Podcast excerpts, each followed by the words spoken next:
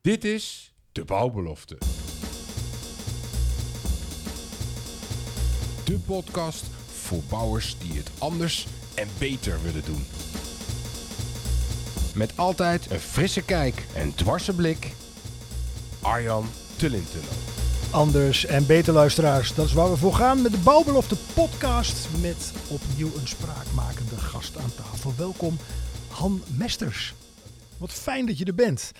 Ehm, werkzaam bij ABN AMRO als eh, sectorbanker zakelijke dienstverlening. Dat is toch een mooie titel. Past die wel op je kaartje? Ja, dat is inderdaad wel exotisch. Maar ik kan het wel heel kort uitleggen. Kijk, je zoekt als bank onderscheidend vermogen. En we willen in de gesprekken met klanten willen we weg van de productendiscussie. Dus we willen eigenlijk meer een soort van strategische dialoog hebben met een ondernemer. Dat vereist best wel veel, zowel aan de persoonlijke ontwikkelingskant als ook aan de kenniskant. En eh, wij sectorbankers, wij voeden als het ware al die commerciële mensen in een specifieke sector met thema's die ze kunnen spreken met ondernemers. Ja, mooi. mooi. En, en uh, nou het er gelijk over hebben, want dat is een mooi aan een podcast. We kunnen bespreken eigenlijk wat we willen. Um, wat zijn dan in het hier en nu? Hè, we praten over 2023. Het jaar is nog jong als we deze opname maken. Wat zijn nu, juist nu, actuele thema's door jouw bril bekeken? Nou, dat zijn er een aantal. Hè. Ik heb soms wel eens medewerker, uh, medelijden met al die uh, accountmanagers. Die hebben vol rugzakje met thema's en producten die ze al moeten bespreken. Maar ga er maar vanuit dat duurzaamheid natuurlijk een belangrijk onderdeel wordt. Hè. Ik, denk, ik verwijs even naar de CSRD-regelgeving, de Corporate Social Responsibility Directive waar toch ook al wat kleinere bedrijven gedwongen worden om te rapporteren op de ESG-dimensies. En wij als bank trekken dat nog verder naar beneden. Dus ook met MKB-ondernemers, die nog lang niet voldoen aan het CSRD-criteria, gaan we toch de duurzame dialoog aan. Beste ondernemer, wat ga je doen met jouw CO2-footprint? Hoe ga je met je mensen om? Uh, hoe zorg je dat je mensen houdt en kunt vinden? Human capital risk is ook financial risk geworden in deze gekke wereld. Ja. En dat is een heel andere discussie als bankier die je normaal hebt zeg maar, over de, de, financiële producten. Je moet dus ook iets weten over hoe is HR geborgd binnen de directie, uh, hoe kijken ze tegen cultuur aan, wat voor competenties zijn ze nou op zoek. Hè? Dus dat is wel een uitdaging. Dat is een mooi bruggetje naar een andere rol die je hebt als voorzitter Human, Human Capital tafel van de Koninklijke Industriële Grote Club in Amsterdam.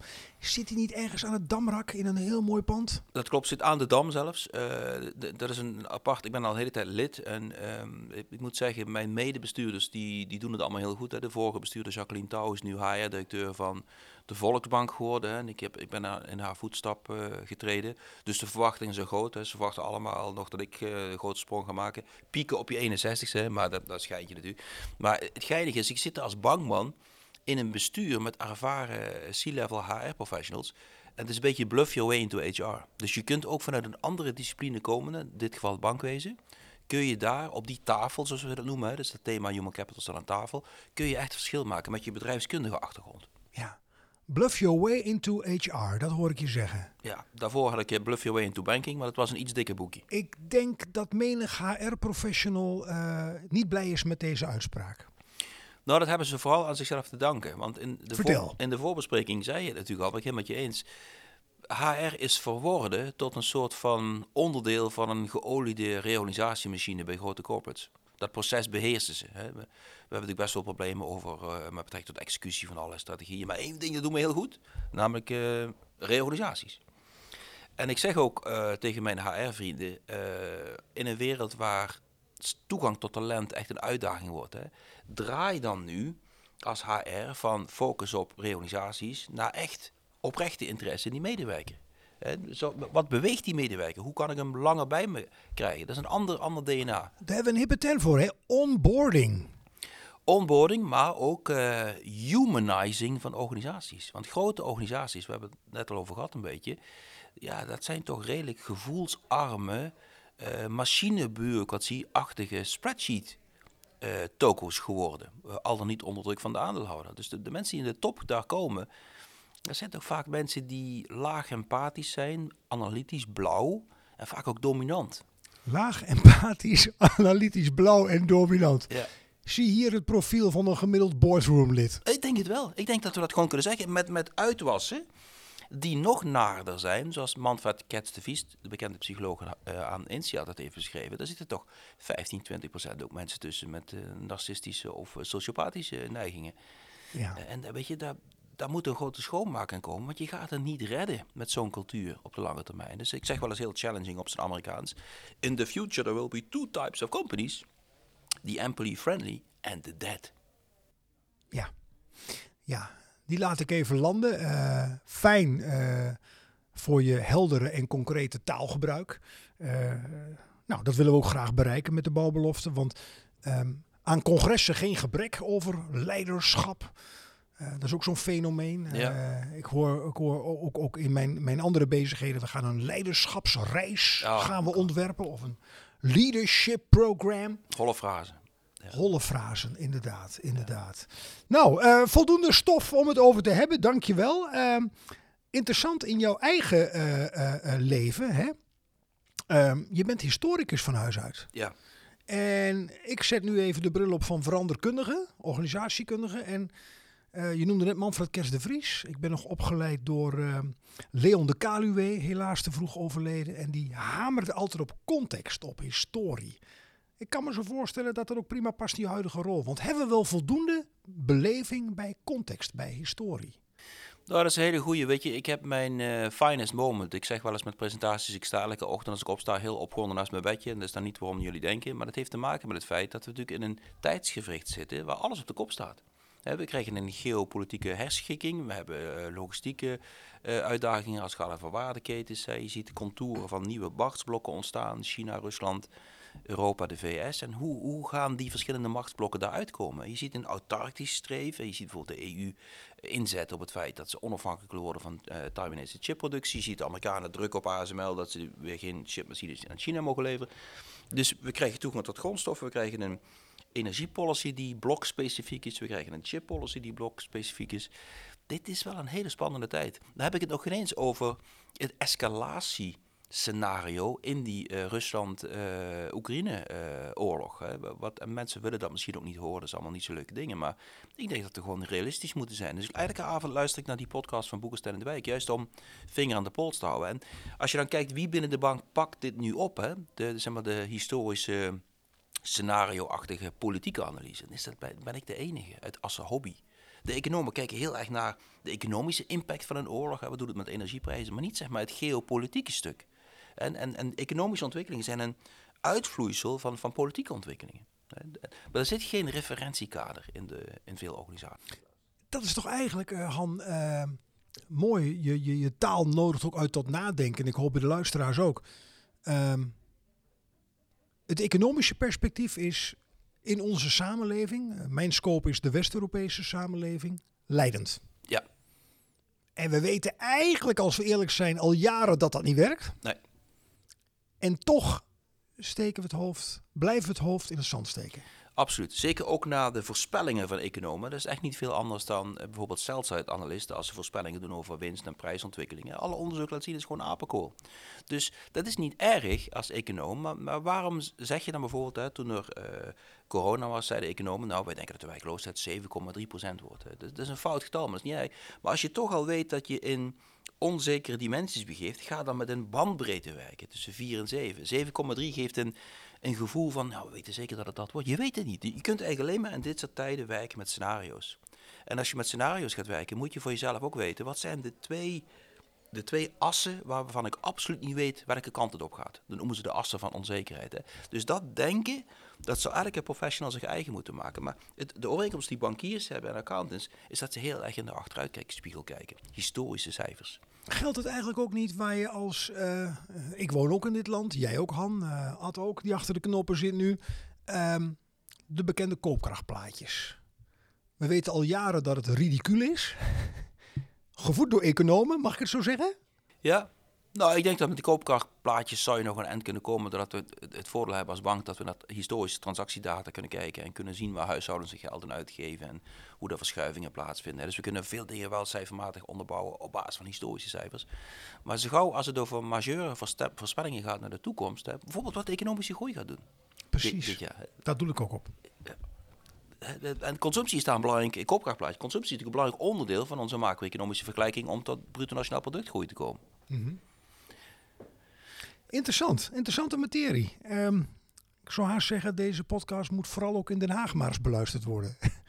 dat de maakbaarheid, dat heilige gevoel van maakbaarheid, daar mogen we wel een vraagteken bij stellen. Nou, sterker nog, bij uh, zetten of dat nog uh, werkt. Of dan ook realistisch is. Zeker in zo'n wereld die zo snel verandert. Maar bijvoorbeeld ook Rutte die zegt dan, uh, voor visie moet je bij de opticien zijn. En tot mijn grote verdriet zie je nu dat de Amerikanen, het boegbeeld van het anglo-saxische winstfocus denken, strategisch doen ze nu wel de juiste dingen. Wat ik niet had verwacht. Als, als je één groep hebt in Europa die gewend zijn om long-range planning goed op te pakken, zijn het de Fransen. Toen, toen KLM en Air France samengingen, had KLM een strategische planninghorizon van 5 à 7 jaar en Air France tussen 15 en 30 jaar. Die hebben ze toch overgenomen van Air France. Dus het vermogen om capaciteit vrij te maken om langer naar de toekomst te kijken, dat was bij de Amerikanen al helemaal niet aanwezig. Die waren tot het volgende kwartaal bezig, bij spreken. Maar je ziet daar veranderingen plaatsen. Dat is een bedreiging voor ons. Een bedreiging in welke zin, Han? Dat ze zich beter kunnen positioneren naar de toekomst dan in het verleden. Er zijn tal van voorbeelden, Harvard Business Review cases, hè, hoe de Japanners gewoon structureel de, de, Amerikaanse automobielindustrie hebben uitgekleed, omdat ze gewoon een plan hadden en daar goed op konden executen en, en langer nadachten voor de toekomst. Chinezen zijn er helemaal meester in. Hè. Ze hebben gewoon een vijfjaren plannen voor elk onderdeel van China. Kun je gewoon op de website zien. Hè. Dat... Dus Amerika staat nu op? Ja, ze doen wel de goede dingen. Ze hebben hele andere problemen. Het is een land wat op het bot verdeeld is langs inkomens, vermogens, raciale, politieke grenzen. Daar maak ik me meer zorgen over. Hè. Zeg maar de Amerikaanse burgeroorlog variant. Dat is nog helemaal niet zo gek. Ik ben niet zo gek lang geleden geweest. Maar los daarvan, op strategisch gebied lijkt het, zowel in de politiek als in de boardroom, dat ze daar betere dingen doen. En wat zouden wij dan als Europa, voor we teruggaan naar ons eigen land en ook naar jouw rol binnen uh, de bank, en dan niet specifiek ABN AMRO, maar we trekken hem breder, hè, de Mhm. financiële wereld. Mhm. Ehm, wat zou Europa dan het beste kunnen doen? Wij zijn ehm, als Europa een van de weinige blokken die human rights eh, centraal nemen. Dus ik spreek wel eens eh, programmeurs die bij ons werken, die komen bijvoorbeeld vanuit Colombia, hebben ze huiswerk gedaan, waar willen ze werken? En zeggen ze, ik had maar drie opties, eh, Barcelona, Berlijn en Amsterdam. Dus wat je ziet in Europa, als je een beetje inzoomt, dat er een soort van homogeen cultuurgebied is, Nederland-Scandinavië, waar dezelfde cultuurwaarden eh, zijn. Ik was onlangs in Zweden en het geeft ook heel veel herkenning als je met Zweden praat, of met Noor of met, met- zeker met Denemarken. Eh, en, en dat moeten we niet onderschatten, want die cultuur, zoals Hofstede dat ooit omschreven heeft van dat soort landen, is zeg maar informeel en niet hiërarchisch, Klopt. maar ook zorgend, feminien. En daar zit heel veel potentieel in als je het hebt over een schaarse arbeidsmarkt. Veel mensen willen in dat soort landen wonen en werken. Het zijn aangename landen om te zijn. Daar gaan we het mee winnen op India en China en de Verenigde Staten. De Verenigde Staten is natuurlijk sommige plekken, ja, daar wil je niet doodgevonden worden. Sterker nog, je wordt er doodgevonden soms. Ja, ja en, en, en, en als je dan stelt dat jij eh, de positie zou hebben van eh, Ursula von der Leyen, eh, niet gehinderd door beperkingen, welke vlucht voorwaarts zou je dan nemen als Europa? Ja, weet je, je, je hoopt natuurlijk hè, dat langs die militaire as de Europese eenheid nu versneld wordt. En dat zien we met de energiepolicy en al die dingen die ik net genoemd heb. Maar we zien ook het scenario van een verdere fragmentatie van Europa. Ik denk bijvoorbeeld naar die gekke uitslagen in Italië. Denk aan Hongarije die toch meer hebben met Rusland. Denk aan Polen die moeite hebben met supranationale wetgeving. Dus als Ursula van der Leyen zou ik proberen in ieder geval die eenheid te versterken, maar als einddoel voor ogen die weeffout van de Europese Unie. Namelijk dat we geen financiële integratie hebben gehad. Als we, als we zouden komen tot eurobonds, dan zijn we er. Dan zijn we een Amerika in Europese vorm. Eh, wat we ook eh, ons moeten realiseren, waarom zijn wij een machtsblok Europa? Dat is niet omdat we zo groot zijn en zoveel geld verdienen. Dat is heel cynisch, omdat we namelijk onze eigen nucleaire wapens hebben. En die hebben we niet van Amerika of van Engeland, maar die hebben we van Frankrijk. Dus het feit dat Frankrijk ooit heeft dwars gelegen en bleef vasthouden aan hun eigen nucleaire paraplu, dat is de enige reden waarom wij nu een wereldmacht zijn. Ja, dat is een interessante, interessant beeld, want die heb ik nog niet zo ergens gelezen. Ik wil niet zeggen dat die niet ergens te vinden is, maar dat is een hele aardige observatie. Dankjewel, Han. Ehm, terug naar de financiële wereld. En dan even om te beginnen eh, jouw bank. Jullie willen transformeren van een geldscheppende instelling naar een instrument voor verduurzaming van de Nederlandse economie. Ja, dat is natuurlijk, kijk, onze grote roerganger eh, Robert Zwaak, die heeft natuurlijk eh, een, een, een moeilijke klus hè, om, om natuurlijk die aandeelhouder, hè, dat, dat hongerige beestje, die, die altijd kwartaalcijfers eh, meer, meer, meer wil zien, hè, rupsje nooit genoeg, om, om die verlangens te verbinden met het feit dat we ook een maatschappelijke relevantie hebben. We hebben natuurlijk een heel duidelijke purpose statement, building a better bank for generations to come. Nou, dan zul je niet gauw ruzie krijgen met mensen als je dat zegt. Nee. Nee, Ehm, Met dus- mij niet. Nee, we, we zien ook dat, dat die purpose statement weer voor jonge mensen eh, als een magneet werkt. Oh, we willen graag bij een organisatie werken die... Maar je moet ook wel op een gegeven moment ook echt laten zien dat je in je productenassortiment ook duurzame componenten inbouwt. En hoe kun je nou zeg maar, als bank met je financiële slagkracht, hoe kun je dan toch die wereld een beetje beter krijgen op de ESG-dimensies? En daar zijn we wel goed mee bezig. Ja, en, en, en dat in drie woorden eh, vervat, het financieren van waarde. En, en, en dan, dan toch, want we mogen binnen de bouwbelofte ook eh, visionair zijn. Eh, vandaar dat ik er bewust bij zeg, eh, laat de beperkingen los. Ja. Ehm dan komt een vraag boven als welke waarde en financierings, investeringsgeldstromen horen daarbij. Stel dat jij de grote roerganger zou zijn, zoals je zelf zegt. En je hebt niet te maken met aandeelhouders. De, dus zeg maar het, het, het Rijnlandse model. Een bank naar Rijnlands model. Of een financiële instelling.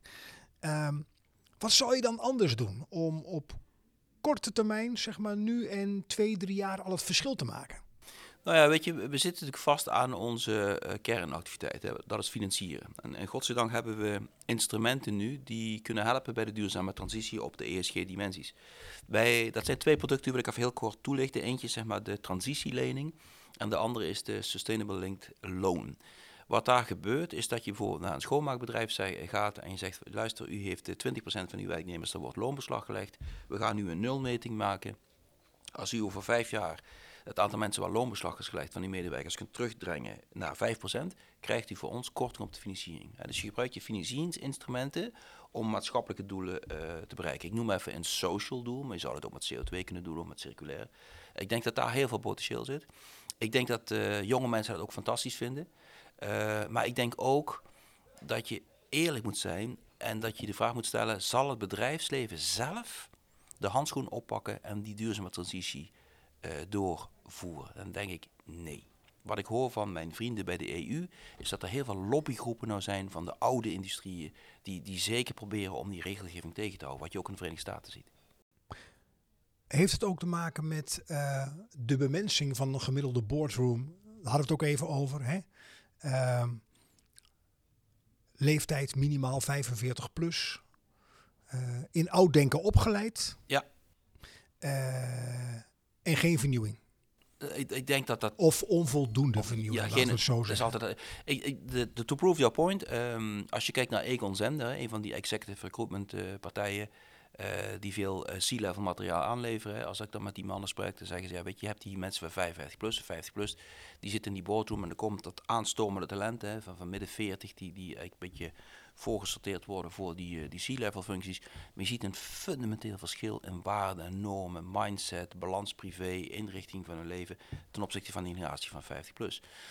Het feit dat die generatie van 50 plus er zit, daar zitten natuurlijk ook hele goede bij. Het zijn allemaal hele intelligente mensen. Absoluut. Maar ze hebben onvoldoende voeling met wat er in de samenleving gebeurt. En ik noem ze ook soms wel eens agents of destruction. Hè, dus ze van, vernielen hun eigen businessmodel zonder dat ze er zelf eigen hebben. Maar dat is toch eigenlijk te triest voor woorden dan? Dat is zeker te triest voor woorden. Om een, een, een heel persoonlijk voorbeeld te noemen. Mijn buurman is Steven van der Heijden, de CEO van eh Corendon. En hij eh, zegt met presentaties openlijk... eh, ja, weet je, mijn, mijn aandeelhouders verwachten nog gewoon dat ik zoveel mogelijk winst en, en groei eruit haal. Terwijl eigenlijk het businessmodel is broken. Hè? Dus je aandeelhouders en de stakeholders willen het gewoon niet zien. En, hem, en hij als CEO is een verlicht CEO. Hij, eh, hem frustreert het mateloos. Maar wat zijn zijn vrijheidsgraden? Hij, is, hij is de baas van een reisorganisatie. En die moet gewoon hun ding doen. Maar, maar het krimpt natuurlijk wel.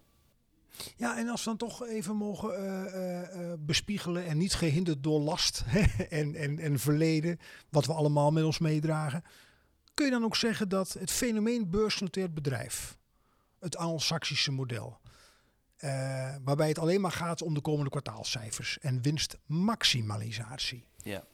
kunnen we zeggen, en dat staat voor mij helemaal los van politieke kleur, dat dat een achterhaald model is. Ja, dat, eh, twee dingen wil ik op reageren. Eh, lang geleden, toen ik nog meer haar had, was ik analist in de beleggingsafdeling van de bank. En toen was ik bij een bijeenkomst van meneer Hugo Platner, volgens mij heette die. Dat was een van de executives van SAP.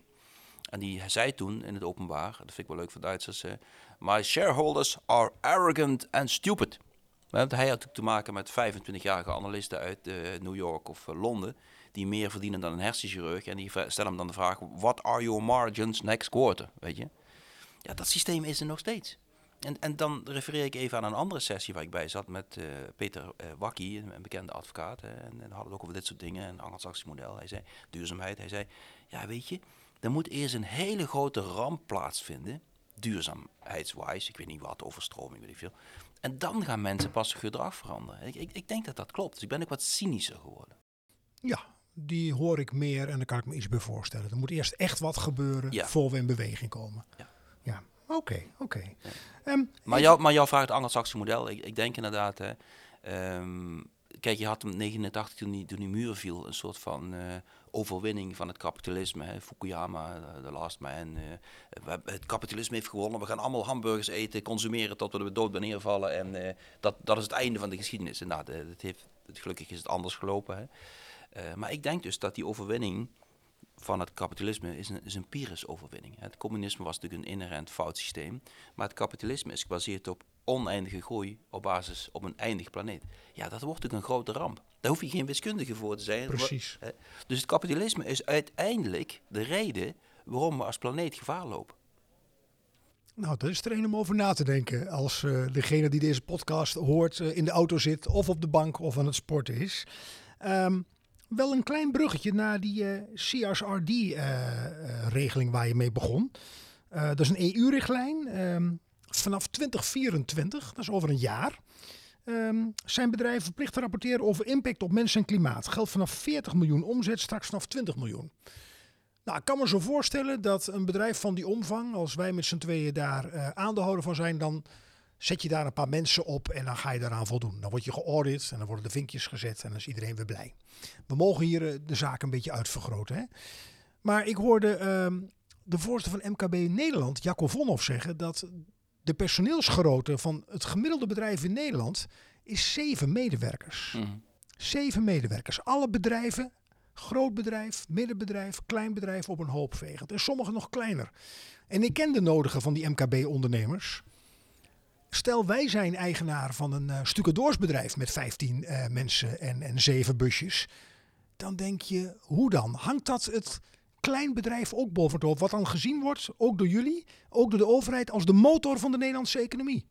Ja, dat is een goede. Het is ook een beetje hoe je met cijfers omgaat. Je kunt kijken hoeveel bedrijven zijn wat is de, de omvang uh, van de mensen die er werken. Maar je zou ook kunnen kijken hoeveel mensen werken er nou bij grote bedrijven. En dan zie je dat die grote bedrijven daar toch wel weer een belangrijke rol spelen.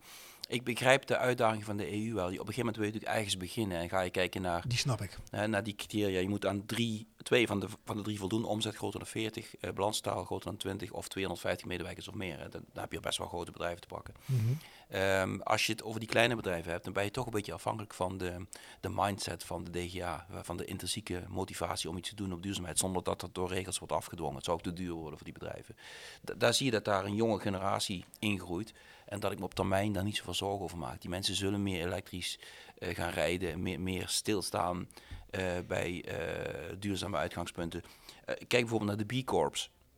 Dat is de eredivisie van duurzaam ondernemen. Ja, je ziet ook veel startende bedrijven daar en, en, kleine bedrijven mee aan aan de slag gaan. Ook omdat het een visitekaartje is naar de recruitmentkant. Als jij kunt zeggen, ik ben B Corp, dan willen mensen staan mensen in de rij om voor je te werken. Dan heb je weer die link naar recruitment.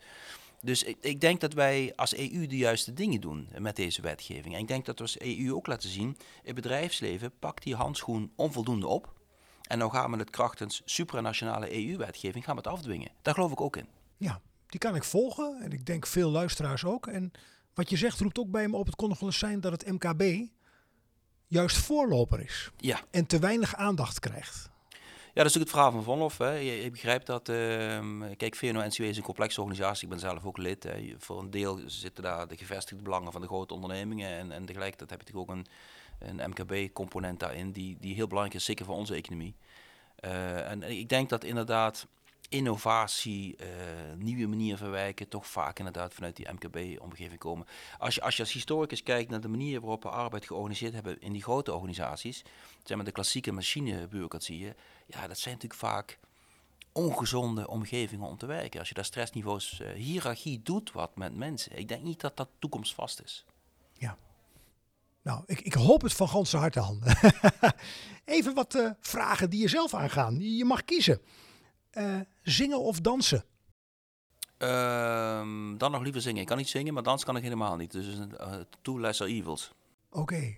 Uh, je vertelt dat je ook wel een Bourgondische inslag hebt. Daarom de vraag aan jou, worst of kaas? Uh, worst, ja. Lekker, ja. Zeker met een veganistische dochter. kijk, kijk. En dan carrière of gezin? Misschien een gewetensvraag. Nou, mijn vrouw die heeft me roept me nu ook wel hard tot de orde dat ik die balans wel uh, helder moet hebben. Ik ben er nog te veel aan het werk, dus ik heb wel een, een partner die daarop stuurt. En die niet zegt van, uh, we hebben jou je volgende sprong gemaakt, dan kunnen we meer muntjes krijgen. Dus we hebben eigenlijk allebei nog een soort van studenten mindset, dat we niet zoveel nodig hebben en, en snel kunnen afschakelen. Het moment als je uh, een, een, hoger inkomen hebt en je bent verslaafd aan het inkomen, je kunt niet meer afschalen, dan, dan word je ook een gevangene natuurlijk van dat inkomen en alles wat erbij hoort. En dat probeer ik mijn kinderen ook mee te geven. Um, je bent veel flexibeler als je dat niet bent. Dus voor mij is de inhoud van de job uh, heel belangrijk. en, maar dat brengt met zich mee dat ik soms wel lange dagen moet maken. Ja, nou, maar wel een mooie zienswijze. Hè? Af kunnen schalen. Ja. Ook als mens. Los van het zakje euro's wat iedereen iedere maand nodig heeft om in levensonderhoud te kunnen Zeker. voorzien. En probeer ook zelfspot te koesteren. Want dat miste ik wel eens bij executives en grote bedrijven. Die, dit is allemaal zo serieus. Ja, ja? Op, waar zijn we mee bezig? Het, is toch, het moet een beetje leuk blijven ook. Ja, en dat vooral. Dat vooral. Plezier ook. Uh, ik heb tien vragen liggen. Je mag een nummer kiezen, een cijfer kiezen. Eén van de tien. En dan ga ik hem uh, voorlezen. Het uh, Tempeliersgetal 8. Hoe kom je aan het Tempeliersgetal? Als historicus was ik mateloos geïnteresseerd in de Tempeliers als een soort van geheime orde en allerlei vraagstukken die daar nog omheen zweven. En in de vele plekken in Europa die ik heb bezocht waar Tempelierskastelen stonden, hadden ze altijd een soort van toren die uit acht hoeken bestond. Dus ze hadden iets met het getal acht. Mooi. De vraag sluit onbedoeld aan op jouw, uh, op jouw studieervaring hè, uh, als historicus. Welke ervaring of gebeurtenis in je leven heeft je als mens rijker gemaakt? Dat mag van alles zijn. Ja, als 61-jarige man moet ik natuurlijk heel, terug, uh, heel veel terugschakelen. En, en flashbacks zijn het tal van momenten geweest. Maar ik kan me herinneren dat ik ooit bij mijn oom op bezoek was. Die had kinderen geadopteerd en die werden thuis gedoopt. En dat liet hij doen door iemand van de school waar hij als leraar werkte. Dat was pater moderator. Nou gaan we terug naar het diepe Roomse uh, leven. En pater moderator kwam binnen, ik was een klein mannetje, keek die man met veel ontzag aan. En toen zei hij, als ik hier nu ter plekke dood neerval, zou ik daar heel veel vrede mee hebben. Dus ik denk, dat was een soort van moedigheid hè, en, en niet bang voor de toekomst en de dood. Ik dacht van zo de knets als een stoere man, terwijl het gewoon een priester was. Dus dat heeft me wel een beetje aan denken gezet. Dus het is misschien ook wel de basis geweest voor een soort van spirituele interesse die ik de rest van mijn leven gelukkig ook nog heb, bij me heb kunnen houden. En ik heb altijd me afgevraagd, mijn vader is jong overleden toen ik jong was. Uh, de, vanaf dat moment ben ik genadeeld, waartoe zijn mij op aarde? Hè? En, en nu ik 61 ben, denk ik wel eens na, als ik het beoordelingsgesprek krijg met die man met die grijze baard, hoe, hoe gaat dat lopen? Hè? heb ik het wel goed gedaan? Ja, nou, met, met de Burgondische inslag uh, kom je een heel eind volgens mij. Ik, ik hoop het. Mooi, dankjewel. Um, Even terug naar de brede blik. Hè. We hebben het al gehad over de geopolitieke uh, situatie. Daar zijn we zo mee begonnen in deze bouwbelofte. Maar het raakt ook de bouw. Hè. Um, wat betekent dat voor beschikbaarheid van grondstoffen, materialen? Blijft er voldoende beschikbaar? zijn vragen waar juist in het hier en nu, denk aan de bouwopgave van woningen, honderdduizend woningen, uh, roept uh, onze minister uh, Hugo de Jonge regelmatig. Ja. Um, ja, en ook deze sector moet zich de vraag stellen: waartoe zijn we op aarde? Sluit onbewust onbedoeld aan op het vorige. Ja. wat kun je daarbij vertellen over de link naar de bouw? Nou, laten we beginnen met de, uh, de materialen. Dan zien we natuurlijk dat er uh, sprake is van uh, tekort aan rare earth metals. dat is niet, niet indirect voor de bouw van belang, maar je ziet bijvoorbeeld koper is natuurlijk heel belangrijk voor, voor de bouw. Dus die grondstoffen die, die hou ik heel goed in de gaten, wat dat betekent gezien de geopolitieke verschuivingen. China is natuurlijk een soort van stofzuiger die heel veel materiaal opslobbert en daar ook zeg maar beslissing heeft genomen om die grondstoffen te borgen. Denk aan activiteiten in, in Afrika. Dus je krijgt competitie over grondstoffen.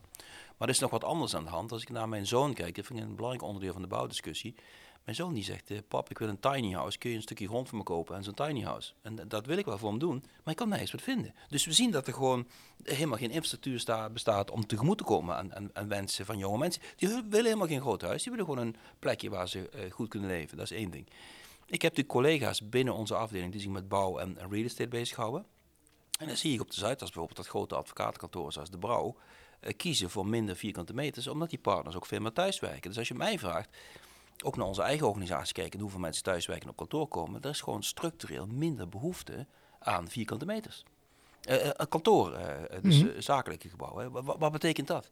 Tegelijkertijd heb je natuurlijk een enorme vergrijzing in Nederland. Met allemaal oudere mensen die bij spreken in jaren 30 huis in het gooi wonen in een eentje. Hè, en de partners overleden.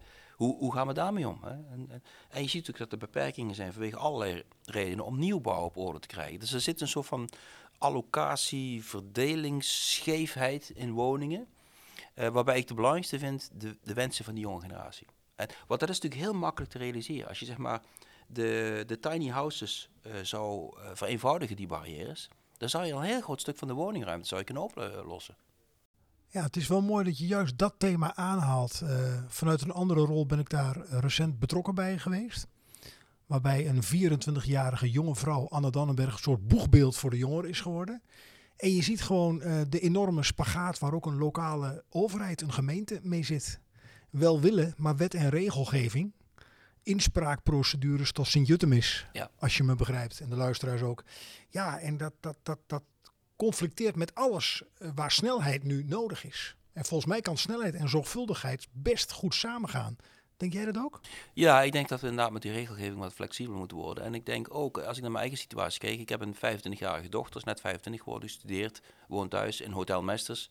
Uh, mijn definitie van kinderen is altijd, het zijn wezens die ontvoeren je vrouw en die krijg je dan na 20 jaar terug hè, als het huis uit gaan. Ik was met 18 het huis uit, maar deze generatie in Amsterdam, die kan niks vinden in Amsterdam, dus die blijven veel langer thuis wonen. Nou, dus niet, niet, alleen in Amsterdam hoor. Niet alleen in Amsterdam, het zijn Italiaanse toestanden worden het. En dat is natuurlijk leuk dat je kinderen het uh, bij jou thuis hebben, maar soms denk ik wel eens van, ik had wel wat meer privacy verwacht. En ik, ik weet dat zeker dat dit een cri de keur is van, van veel uh, mannen en vrouwen van mijn leeftijd, die, die min of meer noodgedwongen nog met thuiswonende kinderen zitten. Ja, ja.